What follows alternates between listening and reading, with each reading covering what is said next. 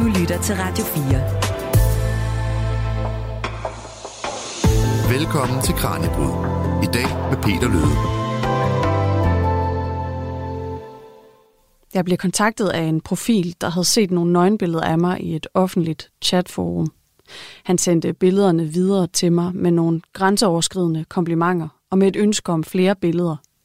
Og hvis jeg ikke ville sende flere billeder, ville han dele dem, han havde med min omgangskreds og familie. Ja, sådan her beskriver Anne Mette den dag, hvor en besked tikkede ind i indbakken med et nøgenbillede af hende. Afsenderen var en fremmed, som forlangte penge for, at det her billede ikke skulle komme i omløb. Og Anne Mettes fortælling er indtalt af min kollega Julie Melgaard Harbo. Og den her slags beskeder er Anne Mette langt fra den eneste dansker, der har modtaget. Faktisk så modtog politiets nationale enhed for særlig kriminalitet over 1200 anmeldelser sidste år af såkaldt sextortion, og det var altså dobbelt så højt som året for inden. Men hvilke konsekvenser har den her afpresning egentlig for de personer, der bliver offer for den, og hvad siger forskningen egentlig om, hvordan vi bedst muligt bekæmper de her digitale sexkrænkelser? I dagens program der får jeg besøg af en gæst, der har beskæftiget sig med lige præcis nogle af de her spørgsmål.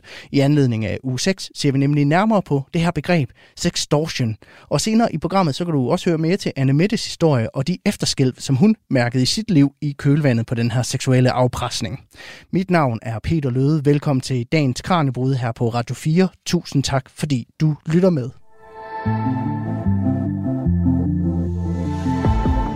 Du lytter til Kranjebrud på Radio 4. Og dagens gæst, det er jo dig, Signe Ulbjerg Mortensen. Velkommen til. Tak skal du have. Du er faginspektør på Museet Køn, og så er du også ekstern lektor ved Institut for Kommunikation og Kultur på Aarhus Universitet. Og du har blandt andet forsket i digitale sexkrænkelser, som sextortion jo blandt andet er, er en del af. Øhm, og det kan være, at du skal starte med at fortælle lidt om, hvordan du selv har forsket i det her fænomen. Ja, altså det er et par år siden nu, ikke? Men, men øhm, jeg arbejdede med det her i den periode, hvor for eksempel Umbrella-sagen også stod på, som er en sag, mange kender, hvor der er rigtig mange unge, der blev sigtet for deling af, øhm, af børneporno. Og på det tidspunkt var det som tror jeg, man kan genkende, altså et ret, et ret nyt emne. Øhm, der er blevet snakket meget om det, der var meget lidt forskning i det, og også meget lidt mm. reel viden om det. Det er der sådan set stadig. øhm, men, men det er jo sket øh, lidt siden, så man kan sige, at har ligesom været en del af sådan en ny forskningsbølge på mange måder, hvor man har kigget på særligt blandt unge, øhm, hvordan deres digitale tilstedeværdige billeder, de laver af sig selv eller andre øhm, digitalt, de også kan bruges til, øh, til at begå seksuelle krænkelser i virkeligheden. Ja, fordi det er svært at have en idé om, hvor stort det her problem med digitale sexkrænkelser sådan generelt set egentlig er. Men hvad er din opfattelse af, hvor udbredt det, det er? Ja, det, det er nemlig et rigtig godt spørgsmål, fordi at, altså, der er mange forskellige undersøgelser, der ligesom har vidt forskellige resultater, afhængig af både, hvad man øh, tager med i sin mm. definition af digitale sexkrænkelser, og hvilke målgrupper man kigger på.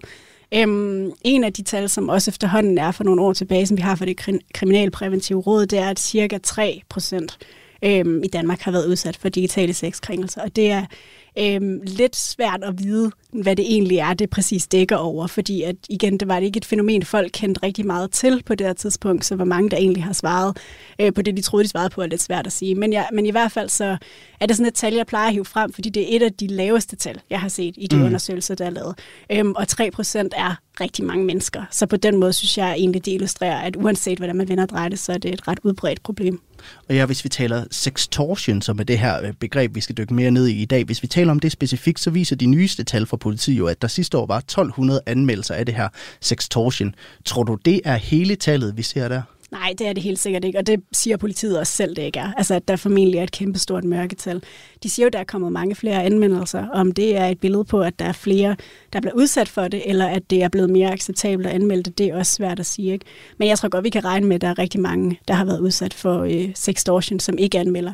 Og så, så vidt jeg forstår politiets tal, så er det også en opgørelse af dem, der har anmeldt økonomisk kriminalitet. Det er dem, der, har, øh, der er blevet økonomisk afpresset med de her billeder. Øhm, og det er jo ikke alle. Der er også folk, der bliver afpresset, som vi hørte i, i indledningen, ved at sende flere billeder i stedet for. Og det er slet ikke med i det her tal, så vidt jeg har forstået. Nej, fordi vi skal også nok mm. komme ind på, hvor bredt et udtryk det her sextortion egentlig er. Men nu hørte vi en bid, som du nævnte, af Anne Mettes historie i starten af programmet, og den skal vi også nok vende tilbage til. Men det er jo en historie, som jeg faktisk har fået tilsendt af dig og fået min kollega til at indlæse. Det kan være, at du lige skal fortælle, hvor den her historie den stammer fra oprindeligt. Jamen, den stammer fra et forskningsprojekt, som jeg lavede for nogle år tilbage, hvor jeg igennem en lang periode arbejdede sammen med unge kvinder, der havde udsat for forskellige former for digitale sexkrænkelser. Og der øh, lavede de sådan nogle øvelser, hvor de skrev deres oplevelser ned, og det er en af de her øvelser, som vi har fået lov til at bruge fra Anna Mette. Og øh, hvad er det, der har været vigtigt for dig? Nu har du kigget på det i flere forskellige sammenhæng. Hvor, hvad er det, der har været vigtigt for dig at blive klogere på, når det kom til sexkrænkelser på, på nettet?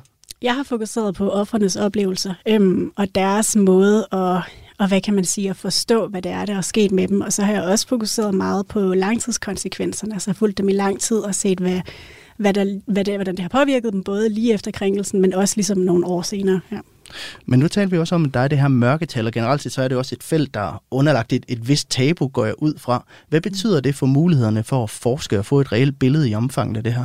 Ja, Altså, det er klart svært ligesom at finde, det kommer an på, hvordan man vil forske det. Det er svært at finde folk, der gerne vil tale om de her ting, øhm, og var endnu sværere tidligere. Jeg tror, en del af tabuet er begyndt at blive lettet en lille smule, både på grund af jamen, altså MeToo og sådan mere feministisk mm. opmærksomhed, men også fordi, at digital sexkrænkelse er et problem, vi taler mere om nu end før. Øhm, en stor udfordring er også, at vi ikke helt er enige om, hvad det er endnu. Og ja. det gør det også vildt svært at forske fordi at vi er ikke rigtig enige om, hvad det egentlig er, vi kigger på. er det et problem, du har oplevet i din forskning også? Jamen, jeg har prøvet meget i min forskning at arbejde med at definere det ud fra det her offerperspektiv, og har egentlig været meget sådan klar på, at det var ligesom offrenes oplevelse, jeg arbejdede med. Og derfor så har jeg afgrænset min definition ud fra, hvornår de oplevede noget som, som krænkende. Øhm, men det er jo bare en måde at gå til det på, og rigtig mange andre, der har forsket i det, har primært fokuseret på krænkernes adfærd, og prøvet ligesom at kategorisere det ud fra det. Og øh, nu vil jeg ved det her med definitionerne, så kan vi jo lige så godt dykke ned i det her begreb sextortion, for nu kom jeg med en beskrivelse af den her afpresning i starten, altså hvor gerningsmanden gerne vil måske have penge som betaling eller noget andet for ikke at lægge det her seksuelle materiale, men det er jo, hvad kan man sige, kun en, en meget, meget snæver øh, definition af det her begreb. Er det ikke rigtigt? Jo, altså det er i hvert fald en lille del af det. Jeg tror, når politiet taler om sextortion, så tror jeg måske efterhånden, de taler meget om økonomisk kriminalitet, men det er jo sådan et begreb, som er opstået på et eller andet tidspunkt et eller andet sted på internettet. Og det er jo en er sammenkobling mellem sex og så extortion, altså mm. afpresning. Så, så det dækker ligesom alle de tilfælde, hvor øhm, digitale, seksuelle eller intime billeder bliver brugt til at afpresse nogen, om det så er for penge, eller om det er seksuelle, flere seksuelle billeder, eller også i nogle tilfælde seksuelle ydelser. Så man kan sige, der er ligesom sådan et ret bredt spektrum fra økonomisk berigelseskriminalitet til også egentlig sådan gentagen seksuel vold og udnyttelse, som det her begreb dækker over. Ja, fordi det lyder som om, at det kan spænde helt fra ja, økonomisk afpresning og så til, til seksuel udnyttelse, som du siger. Altså, hvad er det for en skala, vi arbejder med her? Den lyder enormt bred. Ja, den er jo bred, ikke? Altså, det er rigtig mange ting, og det, og det er også, øhm, hvad kan man sige, hvor man er hen på den her skala, øhm, har enormt stor betydning også for, om man kan svare på, hvem er det, der er blevet udsat for det, og hvad er motiverne og sådan nogle ting. Øhm, og altså, jeg tror, man, det er svæ- altså, man kan godt tale om en skala på den måde, ikke? at der er nogle ting i den, i den ene ende, som, øhm, som måske ikke er altså ondskabsfulde på den måde, som seksuel vold kan være det. Og så er der nogle, øhm, nogle ting i den anden ende, som vi også har set nogle eksempler på i Danmark. For eksempel de her hurtcore-sager, som vi havde for nogle år siden, hvor det er gerningsmænd, der meget bevidst altså, øhm, har til intention at misbruge og afpresse kvinder, særligt unge kvinder, øhm, i meget lang tid ad gangen, og få dem til at gøre nogle meget grove og sådan ydmygende seksuelle ting mod sig selv. Øhm, så, så der er et kæmpe spektrum. Det, det er lidt farligt, tror jeg, at rangere det fra mindre slemt til værst. Mm. Øh, fordi hvordan, hvad kan man sige, fra et offerperspektiv, at folk reagerer på det, og hvor stor betydning det har for deres liv, det kommer rigtig meget an på den sådan enkelte persons netværk og øh, forrige erfaring. Ja. ja. Nu nævnte du det her begreb hurtcore. Det kan være, at vi lige skal mm. få, få udfoldet, hvad det dækker over, fordi det betyder, det kommer af hardcore ja. og hurt. Ja, det gør det. Altså det, det kommer, ja, hurt ikke, som betyder at skade nogen, og så, øh, en, og så hardcore-delen er en reference til hardcore porno. Øhm, bortset fra, det selvfølgelig ikke er porno, fordi porno per definition er noget, man gør med samtykke. Så det er ligesom, hvad kan man sige, materiale, som er seksuelt øhm, og krænkende, og er det på sådan en hardcore måde. Men altså, hvor det sårer øh, de mennesker, som, øhm, som bliver presset til at lave det. Ja. Og nu har dit øh, perspektiv forskningsmæssigt jo særligt været på, på offrene, og dem tænker vi vender tilbage til lige om lidt, men hvor meget ved vi egentlig om, hvem gerningsmændene eller krænkerne er i det her tilfælde? Mm. Jamen, ligesom alt andet for det område, det er ikke fordi, vi ved super meget. øhm, vi ved, at hvis man taler digitale sexkrænkelser generelt, så afspejler Øhm, billedet af, hvem krænkerne er, rigtig meget det, vi kan se for andre former for seksuel vold, som øhm, er, at det primært er mænd. Øhm, Og, øh, og så har vi selvfølgelig lige præcis med sextortion det her aspekt af økonomisk kriminalitet, som virkelig er noget andet end mm. den her seksuelle kriminalitet. Øh, jeg ved ikke, jeg ved faktisk ikke så meget om kønnet på dem, der udfører den økonomiske øh, kriminalitet. Jeg ved noget om offrenes køn, men det kan vi vende tilbage til. ja, fordi så lad, så lad os hoppe derhen. Fordi, men, ja, hvem, er, hvem er det, der er blevet udsat for det her? Ja, altså hvis vi er jo i den, der hedder økonomisk kriminalitet, og også, hvad kan man sige, hele paraplyen, så er der noget, der tyder på, at det egentlig øhm, er enten nogenlunde lige mange mænd og kvinder, eller måske endda lidt flere mænd. Hvis mm. vi kigger på den ende af skalaen, hvor vi har den mere sådan, øhm, meget grove, seksuel, voldelige kriminalitet, så er der klart flest øh, kvindelige offer. Så ja. vidt vi ved, ja. Men hvor får de det her materiale fra, de her øh, bagmænd? Altså, hvad er det for noget materiale, de bruger til at afpresse med? Ja, det kan være ret forskelligt. Ja, mange af de sager, vi har hørt, som har været økonomiske afpresningssager i Danmark, har det været materiale, som, altså, hvor, hvor de bagmænd har hacket et øh, webcam for eksempel, og så filmet folk, mens de ned eller et eller andet. Øhm, eller, eller det kan være billedmateriale, som folk selv har produceret og delt med en partner. Det kan være noget, der er taget af folk, uden de vidste. Øhm, og det kan også være de her, det her video- og billedmateriale, som er kommet som et resultat af længere tids seksuel afpresning. Så der er kæmpe stor forskel. Nogle gange, og det er en ting, man faktisk ser overraskende tit, kan det også være øh, kunstigt fremstillet materiale. Mm. Altså materiale, som enten er billedredigeret, eller måske endda lavet med kunstig intelligens. Altså simpelthen AI? Simpelthen, ja. Vil man så også måske se, at det bliver et større problem i forbindelse med AI også bliver nemmere og nemmere? Altså, der er næsten nogen, der ikke har været inde og lege med en eller anden AI-billedgenerator efterhånden jo. Det er der rigtig mange, der er bange for, og det, det synes jeg er en helt reel frygt. Ikke? Altså, det kunne man jo godt frygte, at det gjorde. Jeg tror måske, at mange af dem, der vil begå den her form for overgreb, de kan godt gøre det i dag. Mm. Øhm, og man kan også godt begå, begå den her form for overgreb uden mega overbevisende billedmateriale, for det er sådan set ydmygelsen øh, af den her person, der er kernen i det. Du kan godt ydmyge folk seksuelt, selvom du ikke har autentiske billeder. Øhm, så så meget værre ved jeg ikke, om det bliver, men, men potentialet, altså risikoen, er der, der er klart for, at AI kommer til at påvirke, hvis der er nogle meget mere voldsomme sager af den her slags. Men hvor meget ved man egentlig om, hvorvidt de her gerningsmænd rent faktisk har det her materiale, de, øh, de påstår, at de har? Det ved vi ikke, om de har. Jeg vil sige, at i mange tilfælde, de fleste af de tilfælde, hvor sagerne udvikler sig og bliver til mere alvorlige og langstrakte sager, der har de højst sandsynligt materialet, fordi de er de færreste, der ikke på et eller andet tidspunkt vil forlange at se det. Øhm, hvis der er nogen, der afpresser dem og siger, at de har det her materiale. Øhm, og det kan de ligesom have mange steder fra, men, men det er ikke noget, jeg sådan har nogen tal på, eller noget reelt overblik over. Og i hvor høj grad ved vi så, om de her mænd, bagmænd, de rent faktisk holder det, de lover? Altså, de lover jo tit enten at slette billederne, eller i hvert fald ikke at sprede dem, men holder de det ord? Altså, hvad er din opfattelse, når du har talt med, med offrene? I udgangspunktet, så nej, det kan man jo ikke regne med, at de gør overhovedet. Øhm, der er sikkert nogen, nogle gange, der gør, men, øh, men nej, man kan ikke stole på dem hvor lang tid finder den her afpresning så sted over? Det, må, det lyder til, at det svinger enormt meget, øh, alt efter motivet af økonomi, eller om det er mere den her seksuelle udnyttelse. Ja, der kan være stor forskel. Øhm, man kan sige, at mange af dem, der er udsat for økonomisk afpresning, er også udsat for seksuel udnyttelse. Øhm, så det er ikke, altså de former her overlapper i virkeligheden ret tit. Øhm, de, nogle af de slemme seksuelle udnyttelsessager, vi kan se, at kan altså, strække sig over mange, mange år nogle gange, inden det bliver opdaget, eller nogen ligesom gør noget ved det. Øhm, økonomisk, de her økonomiske sager, Måske for det første, fordi de er lidt nemmere at anmelde, tror jeg ikke, altså mm. fordi det er berigelseskriminalitet, men også fordi, at penge også ligesom sætter en eller anden klar grænse for, hvornår man kan, øh, hvor længe man kan fortsætte. Så, så har de en tilbøjelighed til, så vidt jeg ved, at være en lille smule kortere. Men det er ret svært at vide, også fordi med det her berigelseskriminalitet, øhm, det er også en ting, man først for nylig er begyndt at få opmærksomhed på. Så vi ved ikke, hvor mange sager der er derude, øh, som ligesom, hvor det er nogen, hvor det har stået på i meget lang tid. Og nu, øh, hvis vi skal vende tilbage til offrene, som er det, du har øh, beskæftiget dig primært med. Altså, nu taler vi lidt om, at det er både mænd og kvinder, måske i nogle tilfælde overvejende mænd, i nogle tilfælde overvejende kvinder. Hvor meget ved vi om alderen på dem, og deres sådan, øh, hvad kan man sige, sociale situation og den ja. slags? Unge er klart mest udsat øhm, for den her type overgreb, og unge er generelt langt mest udsat for seksuelle overgreb, øhm, overgreb i det hele taget, så det er sådan set ikke overraskende overhovedet. Øhm, unge mænd, mænd er meget mere udsat for den her berigelseskriminalitet end unge kvinder. Unge kvinder er væsentligt mere udsat for den form for grov seksuel vold. Og det er faktisk en af de få ting, vi ved rimelig sikkert. Altså det er en af de få ting, mange studier er enige om, det er, at det rammer helt klart mest unge. Og nu øh, tænker jeg, at vi skal vende tilbage til Anne Mettes historie her. Øh, altså er hendes historie sådan en typisk fortælling om, om sextortion, hvis du skulle vurdere det?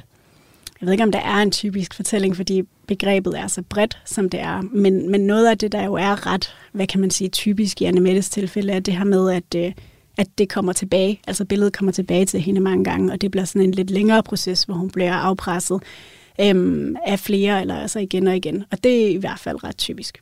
Og øh, den historie kan du høre lige om lidt.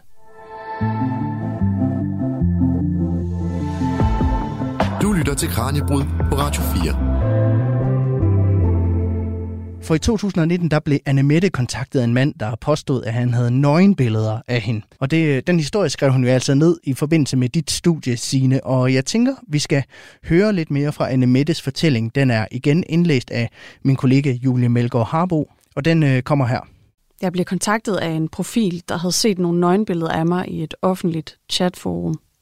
Han sendte billederne videre til mig med nogle grænseoverskridende komplimenter og med et ønske om flere billeder – og hvis jeg ikke ville sende flere billeder, ville han dele dem, han havde med min omgangskreds og familie. Februar 2019. Jeg blev kontaktet første gang af en ukendt profil, der fortalte mig, at mine ekskæreste delte nøgenbilleder af mig. Han ville hævne sig, fordi jeg havde været ham utro. Dette gav ingen mening, fordi jeg hverken havde været min ekskæreste utro eller sendt nøgenbilleder til ham. Jeg fik så den ukendte profil til at sende et af de billeder, han havde set og det var uden tvivl mig. Dog var det tydeligt, at jeg ikke vidste, at billedet blev taget. Jeg forsøgte at få ham til at fortælle mere om, hvor billedet var fra, men han stoppede med at ville svare mere, fordi han ikke ville have fingrene i klemme. Jeg gjorde ikke mere ved sagen på dette tidspunkt, fordi jeg ikke troede, jeg havde noget hold i det. Jeg lod det hele ligge, men med det i baghovedet konstant. Her begyndte der at vise sig tegn på angst. Marts 2019. Efter knap en måned, hvor jeg havde lagt første episode lidt bag mig, blev jeg kontaktet igen. Dengang af en anden profil, men med samme besked, at der blev delt billeder af mig et eller andet sted. Jeg skrev frem og tilbage med denne profil og fik ud af ham, at billederne blev delt på Reddit i et eller andet chatforum derinde. Han sendte også nogle af billederne til mig. Dengang nogen, hvor jeg var mere blottet, men stadig ikke vidste, at billederne var blevet taget. Efter lidt stoppede han med at ville svare mig mere. Herefter politi anmeldte jeg det, men desværre med et svar om, at de ikke rigtig kunne hjælpe, da profilerne ikke kunne spores. Jeg mærkede for alvor angsten efter denne omgang. Jeg kunne ikke komme uden for en dør og kæmpede en brav kamp med overhovedet at have mine gardiner trukket fra. April 2019. Herefter gik der tre uger, og jeg blev kontaktet igen. Igen af en ukendt profil og med samme besked. Denne gang kom han med nogle enormt grænseoverskridende kommentarer sammen med billederne og ville have flere billeder. Hvis han ikke fik det, ville han dele dem, han havde med min omgangskreds og familie. Jeg blev super bange her og kontaktede politiet igen. Da jeg havde snakket med politiet, opfordrede de mig til at fortælle om min situation til dem i min omgangskreds, som jeg tænkte kunne risikere at modtage noget som helst fra ham. Jeg valgte at skrive et opslag på Facebook, hvor jeg forklarede hele forløbet og at jeg skulle kontaktes omgående, hvis nogen så eller modtog noget fra denne profil. Da jeg havde gjort det, hørte jeg ikke mere fra de ukendte profiler, og har den dag i dag endnu ikke hørt noget. Jeg er stadig meget mærket af sagen. Min omgangskreds og familie har været rigtig gode til at støtte mig, men jeg har haft store udfordringer med angst. Jeg bliver bedre og bedre til at kontrollere min angst, men har stadig efter et år dage, hvor jeg ikke kan gå uden for en dør, og må have venner eller bekendte til at hjælpe mig med forskellige gøremål, der skal ordnes uden for hjemmet. Og det var altså min kollega Julie Melgaard Harbo, der havde indtalt Anne Mettes historie, som stammede fra den her skriveøvelse, som øh, I havde, sine. Og nu hører vi jo her, at Anne Mette faktisk lykkes med at slippe af med den her afpresning ved faktisk at være ærlig og åben over for sine venner og bekendte. Er det et problem, at det er så tabubelagt det her, som det er? Det er i hvert fald et problem for, for dem, der bliver udsat for det. Ikke? Fordi at vi, altså noget af det, man også bare kan sige, øh, se på de her sager generelt, er, at dem, der har lettest ved at komme videre eller komme som på det her, er dem, der har et netværk, de kan dele det med. Øhm, og det ligger jo også i sin natur, at den her afpresning går, eller den går ud på, mm. at man tror, der er en trussel om at sende billederne videre. Ikke? Og hvis du ligesom kan fortælle til de folk, der er i nærheden, øh, der er omkring dig, at øh, det kan være, at de her billeder bliver sendt ud, så er den trussel ikke lige så alvorlig, som hvis du for alt i verden har brug for at holde det hemmeligt. Så det betyder meget, om man kan sige det videre. Ja, for man kan jo sige, at det er jo den her pinlighed eller øh, følsomhed, som gerningsmændene de jo, de jo udnytter. Altså frygten for, som vi alle sammen nok har, at folk skal se os i den her situation. Mm. Altså, øh, hvad fortæller dem, som du har talt med om, omkring det her med, med blodfærdighed? Ja, altså der er mange af dem, der øhm, i hvert fald i tiden lige efter det her overgreb øhm, fortæller, at de skammer sig rigtig meget. Øhm, og er meget, altså jeg er også flow, skamfuld over, at det er sket, ikke? og at det kunne ske for dem. Øhm, og mange af dem altså, har de her, som Anne Mette snakker om med det her med gardinerne, ikke? Eller sådan, altså vil gerne gemme sig væk, og vil helst ikke se, der, se af andre, øhm, og bliver meget bange i sociale situationer, fordi at de går rundt med den her konstante frygt for måske at støde på nogen, der skulle have set de her billeder, og ligesom vil dømme dem, eller på en eller anden måde beskue dem på baggrund af det. Ja. Og øh, vi dykker ned i offernes oplevelser lige om lidt. Mm. Til Kranjebrud på Radio 4. Hvis du lige er tændt for din radio, så kan jeg fortælle, at du lytter til Kranjebrud på Radio 4, hvor vi er i fuld gang med at undersøge fænomenet sextortion. Altså det, når nogle gerningsmænd bruger seksuelt materiale til at afpresse personer online. Min gæst i dag er Signe Ulbjerg Mortensen, der er faginspektør på Museet Køn og ekstern lektor ved Institut for Kommunikation og Kultur på Aarhus Universitet.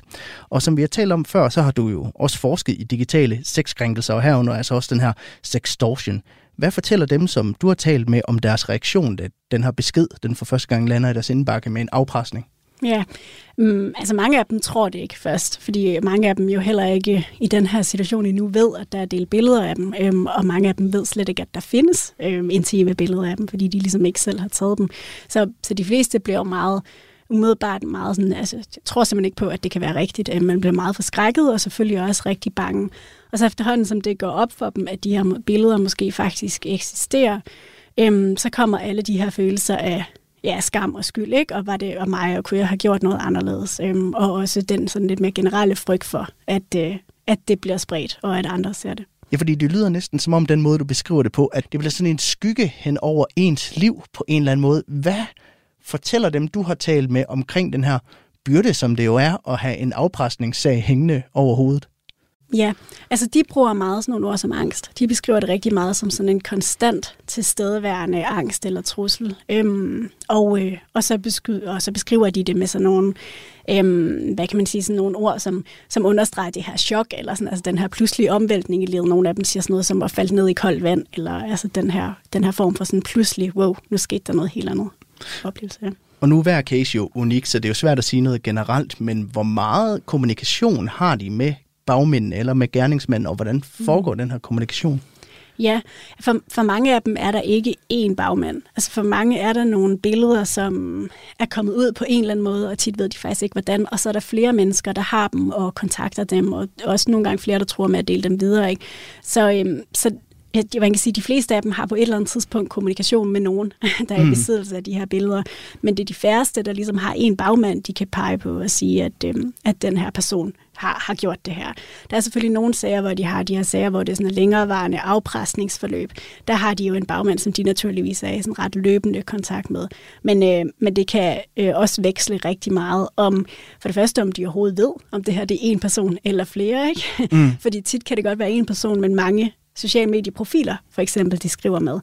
Øhm, eller det kan være øh, en profil, men måske flere personer i de her tilfælde økonomisk afpresning. Det kan skifte rigtig, rigtig meget, så, øh, så det er enormt svært at svare på. Og en del af utrygheden er jo også, at de ikke ved det selv. Ja, fordi det lyder, det lyder til, at det er øh, meget organiseret, og det er et kæmpe, hvad kan man sige, væsen, der lige pludselig overfalder dig, hvor der måske er flere indover, eller i hvert fald nogle gange flere profiler. Altså, det må være enormt overvældende også, tænker jeg. Ja, det er klart en, altså en, øh, en oplevelse, de også beskriver, den her øh, overflod. Der var en af dem, der skrev en tekst, hvor hun, øh, hvor hun skulle, hun skulle beskrive øh, sociale medier, eller tror jeg det Facebook, som et rum, og hvor hun beskrev det som det her glasrum, hvor hun ligesom sidder i midten, og så er der sådan en masse ansigtsløse mennesker, der er rundt omkring hende og kigger ned på hende, ikke? og hun ved ikke, hvem de er, men de kan alle sammen bare stige direkte ned på hende. Så jeg synes jeg egentlig er meget sådan sigende metafor for, mm. øh, hvordan hun oplevede det den der tid lige efter krænkelsen. Og øh, der er jo selvfølgelig, som vi har talt om, forskellige former for afpresning, og hver case øh, adskiller sig jo fra, fra hinanden, men der er ligesom, hvis man skal dele lidt hårdt op, så er der en økonomisk afpresning, og så den mere seksuelle afpresning. Altså, hvis vi skal tale om konsekvenserne af det, så giver det måske mening at se på de her to aspekter lidt hver for sig. Altså, hvis vi skal starte over det økonomiske, altså, hvilke økonomiske konsekvenser har det typisk for de her ofre, at de bliver afpresset på den her måde? Ja, i Danmark øh, kender jeg ikke til så mange sager, hvor det har haft meget voldsomme økonomiske konsekvenser konsekvenser for folk. Øhm, der er helt sikkert nogle sager, hvor folk er kommet til at betale en hel masse penge og ikke, altså ikke har fået noget ud af det. Øhm, men man må også sige, at rigtig tit så overlapper de her former for afpresning. Mm. Altså rigtig mange er udsat for mere end en type krænkelse mm. i den her sammenhæng. Øhm, der har nogle tal, der siger, at det er cirka halvdelen. Det er nogle tal fra Australien. Øhm, så, så, så man kan sige, altså jo, der er en økonomisk konsekvens, hvis man betaler det der beløb, men jeg tror egentlig, at, at øh, den psykiske konsekvens, næsten uanset hvilken form for afpresning man er udsat for, tit er den værste og den mest langvarige. Ja, fordi der er også det seksuelt udnyttende aspekt i det her, som jeg også tænker må være det, der også trækker længst spor på, på sigt hos, hos offrene. Hvordan beskriver de det overgreb, som det jo egentlig er øh, at, at blive afpresset på den her måde? Jamen, de beskriver det som, øhm, som noget, der er meget øh, ensomt og fremmed øh, og kommer ud af det blå og på alle mulige tidspunkter, hvor de ikke kan sættes. De beskriver det også som noget, der er meget skamfuldt. Også et begreb, der går igen, som jeg allerede har øh, mm. nævnt flere gange. Øh, og noget, som føles i øjeblikket, som om det ligesom aldrig stopper. Altså, så de beskriver det som noget uendeligt, ikke? eller noget, som, de, som er en omvæltning i deres liv, og de kommer ligesom aldrig tilbage af deres fornemmelse. Ja. Ja, og hvordan trækker det så spor op i, op i deres liv, efter at afpresningen er stoppet? Ja, øhm, det, er meget, øh, det er lidt forskelligt, men man kan sige sådan generelt, at på et tidspunkt så lærer de fleste lidt mere at leve med det, og på et tidspunkt så, så stopper den her afpresning også ofte øhm, sig selv, med mindre det er de her hurtcore-sager, hvor der er en gerningsmand, mm. der bliver ved med at bære materiale. Men i langt de fleste tilfælde, så er det sådan, at der er nogle få billeder, og på et tidspunkt bliver de så meget ældre, eller sådan noget, at man ikke kan genkende dem. og så virker billederne ikke mere. Eller øhm, de kommer til et punkt, hvor de egentlig har snakket med de fleste mennesker i deres omgangskreds, omgangskreds om det, og så har det heller ikke samme magt mere. Så, så det, det, det tager ligesom af med tiden mange af de her reaktioner. Øhm, og det aftager særligt altså hurtigt for dem, som relativt hurtigt får snakket med folk omkring sig om, at det her det er sket.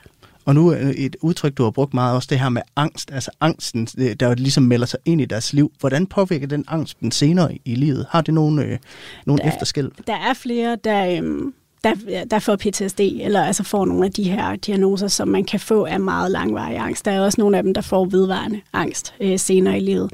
Øhm, hvilket selvfølgelig er en ret, altså en ret tung ting at slæbe rundt på resten af livet, men igen også noget, at mange beskriver, at de også, fordi de bliver nødt til det, altså lærer at, at leve med på samme måde, som andre, der lider af de her diagnoser gør. Og dem, som du har talt med, hvad fortæller de om livet, hvad kan man sige, efter den her sextortion? Altså, hvordan har de det generelt set uh, i dag, og hvordan tænker de om det, når de kigger på det på bagkant?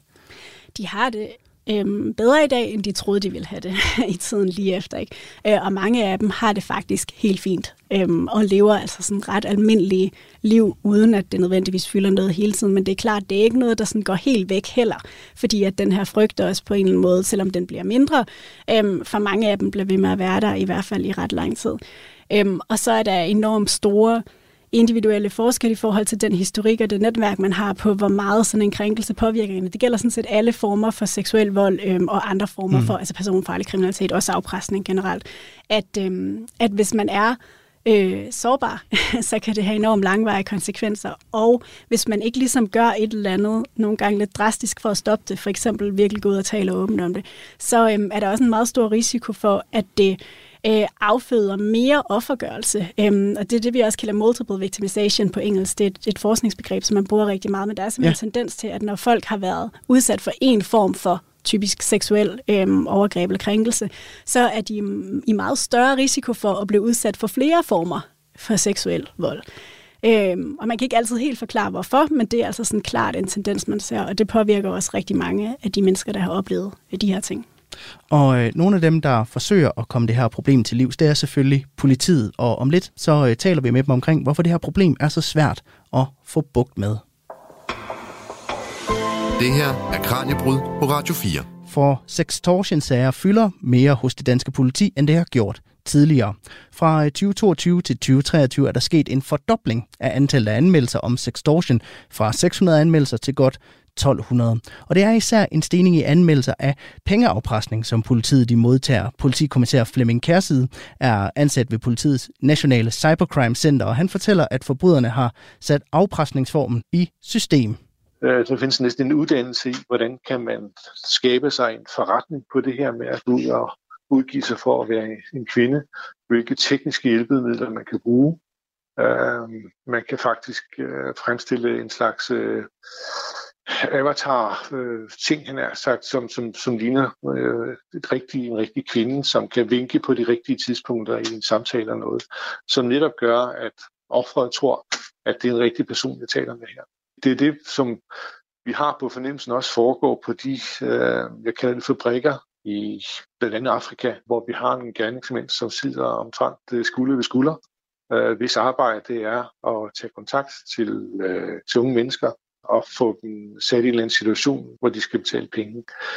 Vi ved fra vores, øh, vi har selvfølgelig et meget stort internationalt samarbejde. Det, det er ikke kun Danmark, det foregår det her. Det er jo europæisk, det er verdensomspændende at der, hvor det er lykkedes at komme igennem til, til nogle af de her fabrikker herinde, det er folk, som er hyret ind, han har sagt, de, de møder på arbejde. De får at vide, hvordan, hvordan, hvordan skal man gøre det her, hvilke tips og tricks skal det bruges, hvad er det, man skal sige for at indynde sig hos et offer, som for, for offeret til at tro, at, at, at det er altså en virkelig person, der bliver talt med her. Øh, lige frem til det øjeblik, hvor offeret måske har vist sig på webcam i en intim situation, øh, og så har gerningsmanden optaget det og bekender sig kulør og siger, hør nu her, kære ven. Jeg er ikke øh, søde Amanda fra Kærteminde, som du troede, men jeg er den, som vil kan ødelægge resten af dit liv ved at lægge det her på internettet. Det kan du undgå, hvis du betaler penge til mig. Det er den slags sager, som, som vi er op imod her, som vi har set en så kraftig stigning i. Hvordan skabes kontakten? Jamen, det er jo ved, at offeret bliver opsøgt på, et eller andet, øh, på en eller anden platform. Vi er jo alle sammen på alle mulige forskellige platforme, lige fra Facebook, TikTok, Reddit, uh, you name it, han er sagt. Øh, og der er gerningsmændene også. Og, og, og det er der, hvad skal vi sige, den indledende kontakt bliver etableret. Det kan også være en, en, en obskur dating-platform eller noget. Men det, det handler om for gerningsmand, det er om at få øh, hvad skal vi sige, offeret over på en en-til-en øh, samtale, hvor man kan få øh, offeret til at gøre de ting, som øh, nødvendige afpresningsøjne. Hvem er de typiske ofre? Jamen, det er blandt de 15 til, til 29 år, som egentlig det er der, vi har de fleste ofre. Øh, mænd, hovedparten. Vi har desværre også set øh, sager med, med yngre øh, 13-14-årige, øh, og modsat har vi også set det med nogen, som er ældre end der også. Hvad er jeres muligheder, hvis gerningsmændene altså sidder eksempelvis i Afrika, som du nævnte? Altså, hvad er jeres muligheder for at stoppe dem? Jamen, jeg lige netop nu, så er vi ude med en, en kampagne, hvor vi fortæller om det her fænomen og, og advarer så godt vi kan, og siger, at der, der er sådan nogle ting, som ikke altid er, som, som, som man tror på internettet. Mine muligheder for, altså som lovens lange arm, som vi har i Danmark, den, den rækker kun til, til inden for landets grænser. Han har sagt, hvis vi skal uden for landets grænser, jamen, så skal vi samarbejde med andre lande og have dem til at gøre arbejde for os. Øh, og det kan vi også gøre i en række lande, men der er også nogle lande, som har noget svært ved at arbejde sammen på grund af en dårlig infrastruktur. De har mange andre problemer måske, end at, at der sidder nogle borgere og afpresser nogen øh, i, i, i lille Danmark. Så, så, så det er ikke fordi vi ligger os ned på ryggen, men vi ved, at det er svært at, at trænge igennem og komme igennem en, en lukket dør for at finde frem til gerningsmændene for at øh, få stoppet det her. Vi arbejder sammen internationalt kolleger, som også efterforsker den her sager, øh, for os for at få lagt et pres på og sige, jamen, I er nødt til at hjælpe os med, med de her sager, fordi det er altså kilden til, til kriminalitet i vores lande, øh, som bliver begået tusindvis af kilometer væk. Hvor meget fylder så den type af sextortion hos jer, hvor motivet ikke er penge, men til gengæld måske et seksuelt motiv, eller, eller måske et personligt motiv? Jamen, den, den fylder også en del. Det, er, vi er ikke oppe i de samme tal. Jeg har ikke, jeg har ikke umiddelbart kan ikke, uh, trække nogle statistikker for det. Men det, min fornemmelse er desværre også, at det er lidt i stigning. Og, og det er jo noget, som, som vi har været opmærksom på. Uh, tidligere så kaldte man det for ulovlig tvang. Altså hvis en gerningsmand uh, formåede en, en, en, en anden til at gøre nogle ting ved sig selv, hvor, hvor det måske startede med en grooming-proces, uh, og og har fået charme sig ind på, på en teenager og et barn eller noget, og fået måske til at sende et billede med topløst eller uden trusser på, men hvor han så lige pludselig giver sig til kende til, nå, nu har jeg et billede af dig, øh, topløs. Nå, hvis du vil undgå, at jeg ikke skal lægge det på YouTube eller Facebook, eller sende til dine forældre eller til din venner på Facebook, så skal du altså tage alt tøj af. Øh, og du skal måske gøre nogle ting med dig selv, stikke et eller andet op i numsen på dig selv, eller øh, undernære med et eller andet, hvor han jo opnår den her magt over barnet. Det har vi for nylig fået omfattet, øh, omfattet af voldtægtsbestemmelsen i Danmark. Fordi når man, når, når man truer nogen til at gøre noget imod ens vilje, så det, det, er jo, det er jo, gerningsmanden kunne lige så godt være der selv. Det kunne lige så godt være gerningsmanden, som, øh, som udførte de handlinger her. Og derfor så er jeg rigtig glad for faktisk, at det bliver omfattet af voldtægtsbestemmelserne. Hvordan er jeres muligheder for, for opklaring i den her type sager? Du nævnte, at det er svært at, at opklare nogle af de sager, hvor, hvor gerningsmændene sidder i Afrika og presser penge. Er der bedre muligheder her? Jamen det, det man gør i alle vores sager, det er at forfølge det, man kalder for de digitale spor. Og det vil man jo også gøre i den øh, type sager. Øh, internet giver desværre muligheder for også at gemme sig bag øh, VPN, øh, proxy-server og andre ting, hvor man kan øh, forsøge at skjule sin spor. Øh, men, men det, er jo det, det er jo de spor, som vi prøver, vi prøver at forfølge, og det kan heldigvis gøre også med succes en gang imellem, hvor det lykkes at finde frem til en gerningsmand, som, øh, som så kan blive stillet til ansvar for de ting, som han har begået. Og det var min kollega Kasper Friis, der talte med politikommissær Flemming Kjærsid fra politiets Nationale Cybercrime Center. Du lytter til Kranjebrud på Radio 4. Og her i studiet har stadigvæk besøg af Signe Ulbjerg Mortensen, der er faginspektør på Museet Køn og ekstern lektor ved Institut for Kommunikation og Kultur på Aarhus Universitet. Og vi er i gang med at dykke ned i det her begreb sextortion, som vi jo kan høre noget, politiet også har fået noget mere fokus på.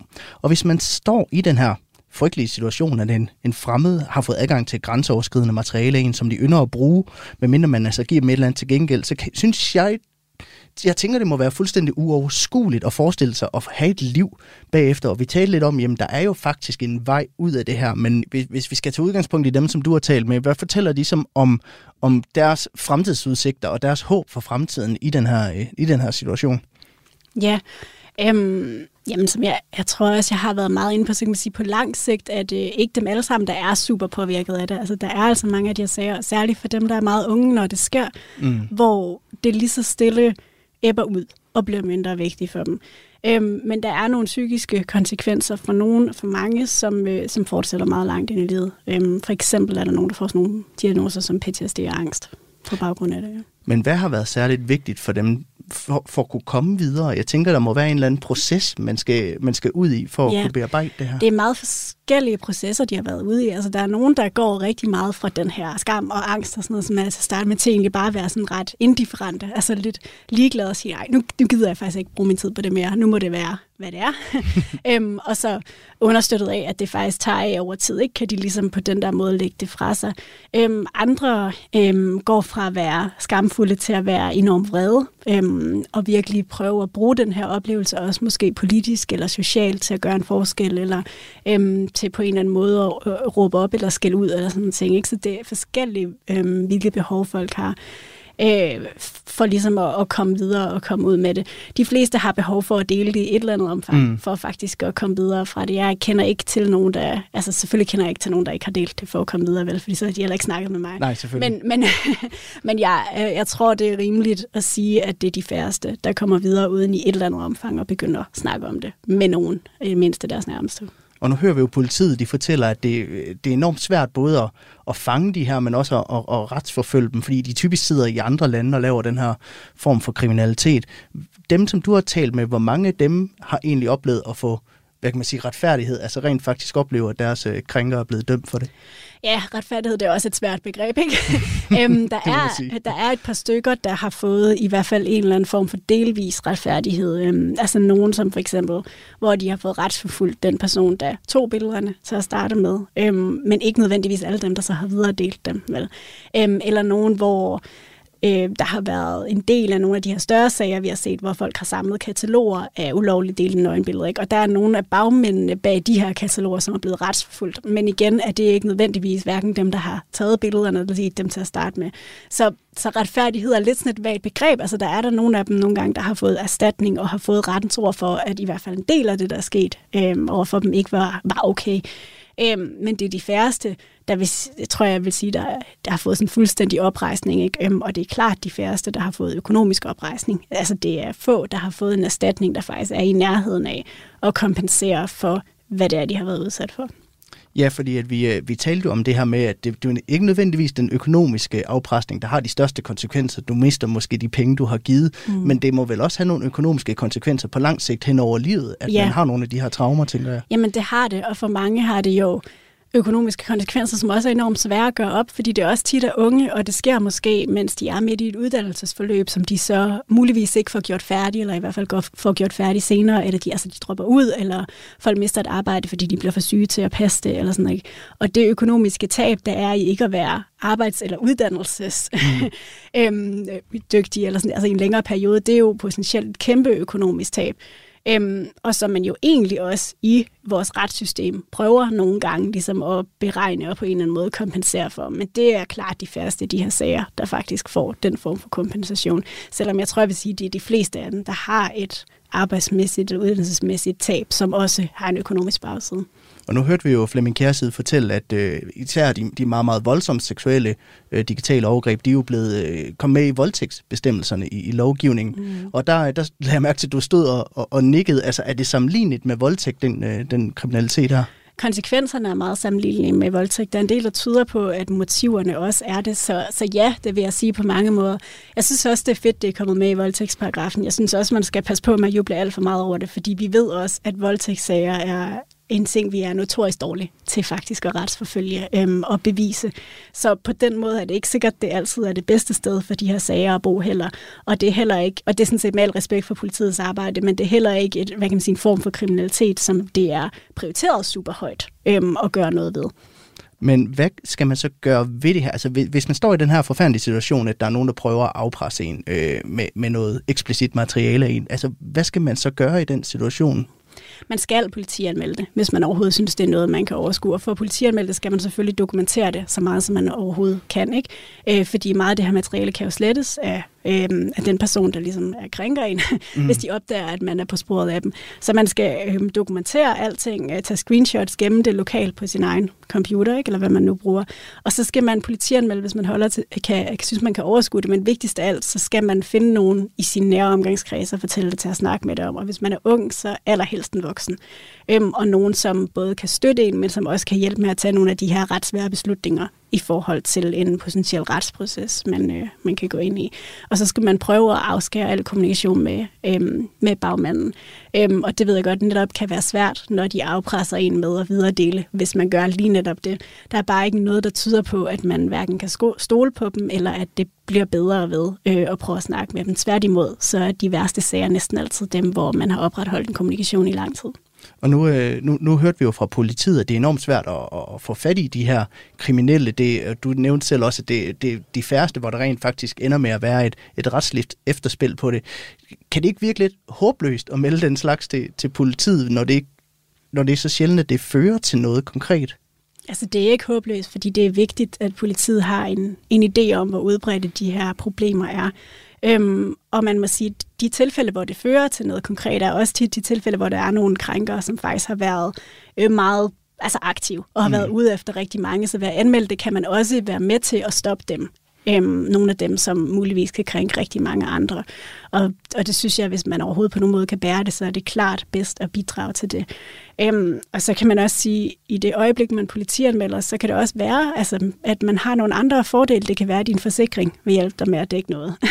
at det er potentielle økonomiske eller altså tab, som du kan have i forbindelse med øhm, sådan en krænkelse, eller hjælpe dig med psykologhjælp eller lægehjælp. Så, så klart, altså det her med på en eller anden måde at få det ind i systemet, hvis man overhovedet kan, det er det giver umiddelbart en masse fordele. Og nu, øh, nu, nu talte vi om før, hvorvidt der er et liv efter den her form for afpresning, og det er jo dejligt at høre, at det er der i hvert fald i langt de fleste tilfælde. Dem, der oplever at komme videre efter det her, oplever de stadigvæk, at de her billeder forfølger dem en gang imellem. Jamen, det er der en del, der gør, at de godt kan dukke op. Altså, billedet kan godt dukke op meget lang tid efter nogle gange. Øhm, men men det er, de, det er de færreste, hvor det ligesom er en ting, der er så hyppig, at det, mm. at det bliver ved med at, øh, at forfølge dem. Jeg tror mere, det der forfølger folk er øhm, af de psykiske altså, øh, traumer, som man kan gå videre med det her fra. Fordi at det er rigtigt nok, at ting, at man kan aldrig vide 100% om noget det er væk fra internettet, men der er også en dynamik i mange af de her steder, hvor det her bliver delt, hvor det skal have en vis nyhedsværdi øh, for på en eller anden måde at være interessant for det meste. Men handler det så i sidste ende om, at man lærer at leve lidt med det her? For mange handler det om, at de lærer at leve med det, ja. Det, det gør det helt sikkert. For nogle er sagerne så, øhm, så voldsomme og har haft så brede konsekvenser stået på i så lang tid, at det der med at lære at leve med det, øhm, kan være en altså næsten umulig for nogen, ikke? eller i hvert fald en meget, meget lang proces, øhm, uden at man gør et eller andet ekstraordinært, eller søger en eller anden form for ekstra hjælp. Og øh, vi begynder så småt at skulle til at runde programmet af, Signe. Vi har så småt fem minutter tilbage. Jeg kunne godt tænke mig at høre, nu vi taler om sextortion, det her måske lidt for vage begreb, mm. som er svært at afgrænse, men som alligevel ødelægger mangens liv hvert år. Altså, hvad mangler vi at få svar på i forskning, når det kommer til sextortion? Alt. rigtig, rigtig mange ting i hvert fald. Altså, sextortion som sådan er ikke en, en kategori, der er blevet brugt super meget. Der er jo forskning på det specifikt. Men det, vi mangler i det hele taget inden for det her felt, er øhm, at blive enige om nogle af definitionerne, og blive enige om, hvad det egentlig er, vi arbejder med, fordi rigtig meget af det, både statistik, men også kvalitative studier, vi har om digitale sexkrænkelser, har ligesom deres niche, eller deres ting, mm. de fokuserer på. Øhm, og meget af den forskning, vi har, som fokuserer på billeddeling, øh, har egentlig ikke som krav, at den her deling skal være seksuelt krænkende. Altså, den kan godt være noget andet, ikke? Eller Mm. Og man kan sige, at den her øh, differentiering mellem økonomisk kriminalitet og seksuel overgreb, som vi også lidt har prøvet at lave i dag, er heller ikke øh, noget, som vi er super gode til at skelne mellem forskningsmæssigt. Så det er bare så nyt et felt, at alle definitionerne er mudrede, øh, og det betyder, at vi faktisk ikke rigtig kan give nogen reelle, præcise bud på, hvor stort det her problem er. Så jeg tror stadig bare, vi må sige, at feltet er så nyt, at vi har et kæmpe definitionsarbejde foran os. Hvor bevæger forskningen sig så henad, kan jeg så spørge? Ja, øhm, de seneste år har rigtig meget af den her forskning været fokuseret på børn og unge, og det er den også stadig, fordi det er dem, der er den mest udsatte gruppe. Øhm, men jeg tror og håber på, at der er en tendens til, at man også begynder at kigge mere på for eksempel digitale sexkrænkelser i et perspektiv, som handler om seksuel vold i stedet for ungdomskultur, og at man måske begynder at kigge på nogle af de kriminologiske øhm, aspekter, for eksempel det her berigelseskriminalitet, ikke? Øh, kigge på det som, som det, altså som berigelseskriminalitet også, i stedet for at alting skal pakkes ind under sådan en unge og digitale medier paraply øhm, som, er, som er vigtig, fordi det er her forskningsområdet har startet, øhm, og det er her mange overgrebene er startet, men som klart ikke er dækkende for, hvad der egentlig sker af forskellige ting, både for offrene og, øh, og hvad krænkerne gør øh, og har intentioner. Er der så noget, du selv glæder dig til at blive klogere på?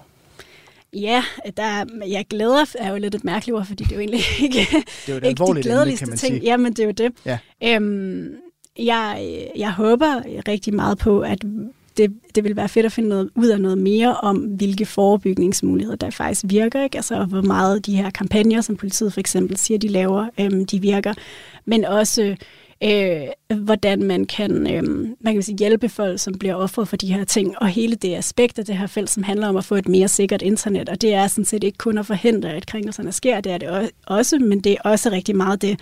Øhm, og sørge for, at de steder, som unge, såvel som voksne, begår sig på nettet, mm. ikke er steder, hvor du bliver konfronteret med den her form for materiale lige så let. Øhm, så det er egentlig måske den del, jeg glæder mig mest til, at der bliver fokus på udviklingen af. Og øh, vi skal så småt til at sige farvel, men hvis vi skulle efterlade lytterne med en pointe, som de skal tage med fra programmet i dag, Signe, hvad, hvad skulle det så være? At man skal snakke om de her ting, og det skal man både for at gøre det nemmere for dem, der har været udsat for det, og tale om det, øhm, og for at gøre det sværere for dem, der gør det, at gemme sig. Signe Ulbjerg Mortensen, det bliver alt, hvad vi når i dag. Tak fordi du har lyst til at komme forbi Kranjebrud. Selv tak.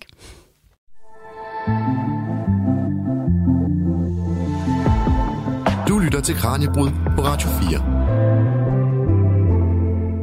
Det var alt, hvad vi når i Kranjebrud i denne omgang. Tusind tak, fordi du lyttede med. Jeg vil bare lige nævne, at hvis du vil have mere Kranjebrud, så øh, er vi selvfølgelig tilbage i morgen, normal tid kl. 12.10 her på kanalen. Ellers så øh, kan du finde alle de tidlige afsnit som podcast. Det er inde i Radio 4's app, som du kan hente på App Store og på Google Play. Der ligger altså over 1000 afsnit klar til dig. Så vil jeg bare lige nævne her til sidst, at hvis du er blevet udsat for sextortion eller andre digitale sexkrænkelser, og du har behov for råd eller vejledning, så kan du ringe på 28 83 40 70. Så får du fat i øh, stopchikane.dk's hjælpelinje, der kan guide dig videre i processen. Tusind tak, fordi du lyttede med. Programmet er produceret af Videnslyd for Radio 4. Nu er det tid til, at nyhederne tager over her på kanalen. Du har lyttet til en podcast fra Radio 4. Find flere episoder i vores app, eller der, hvor du lytter til podcast.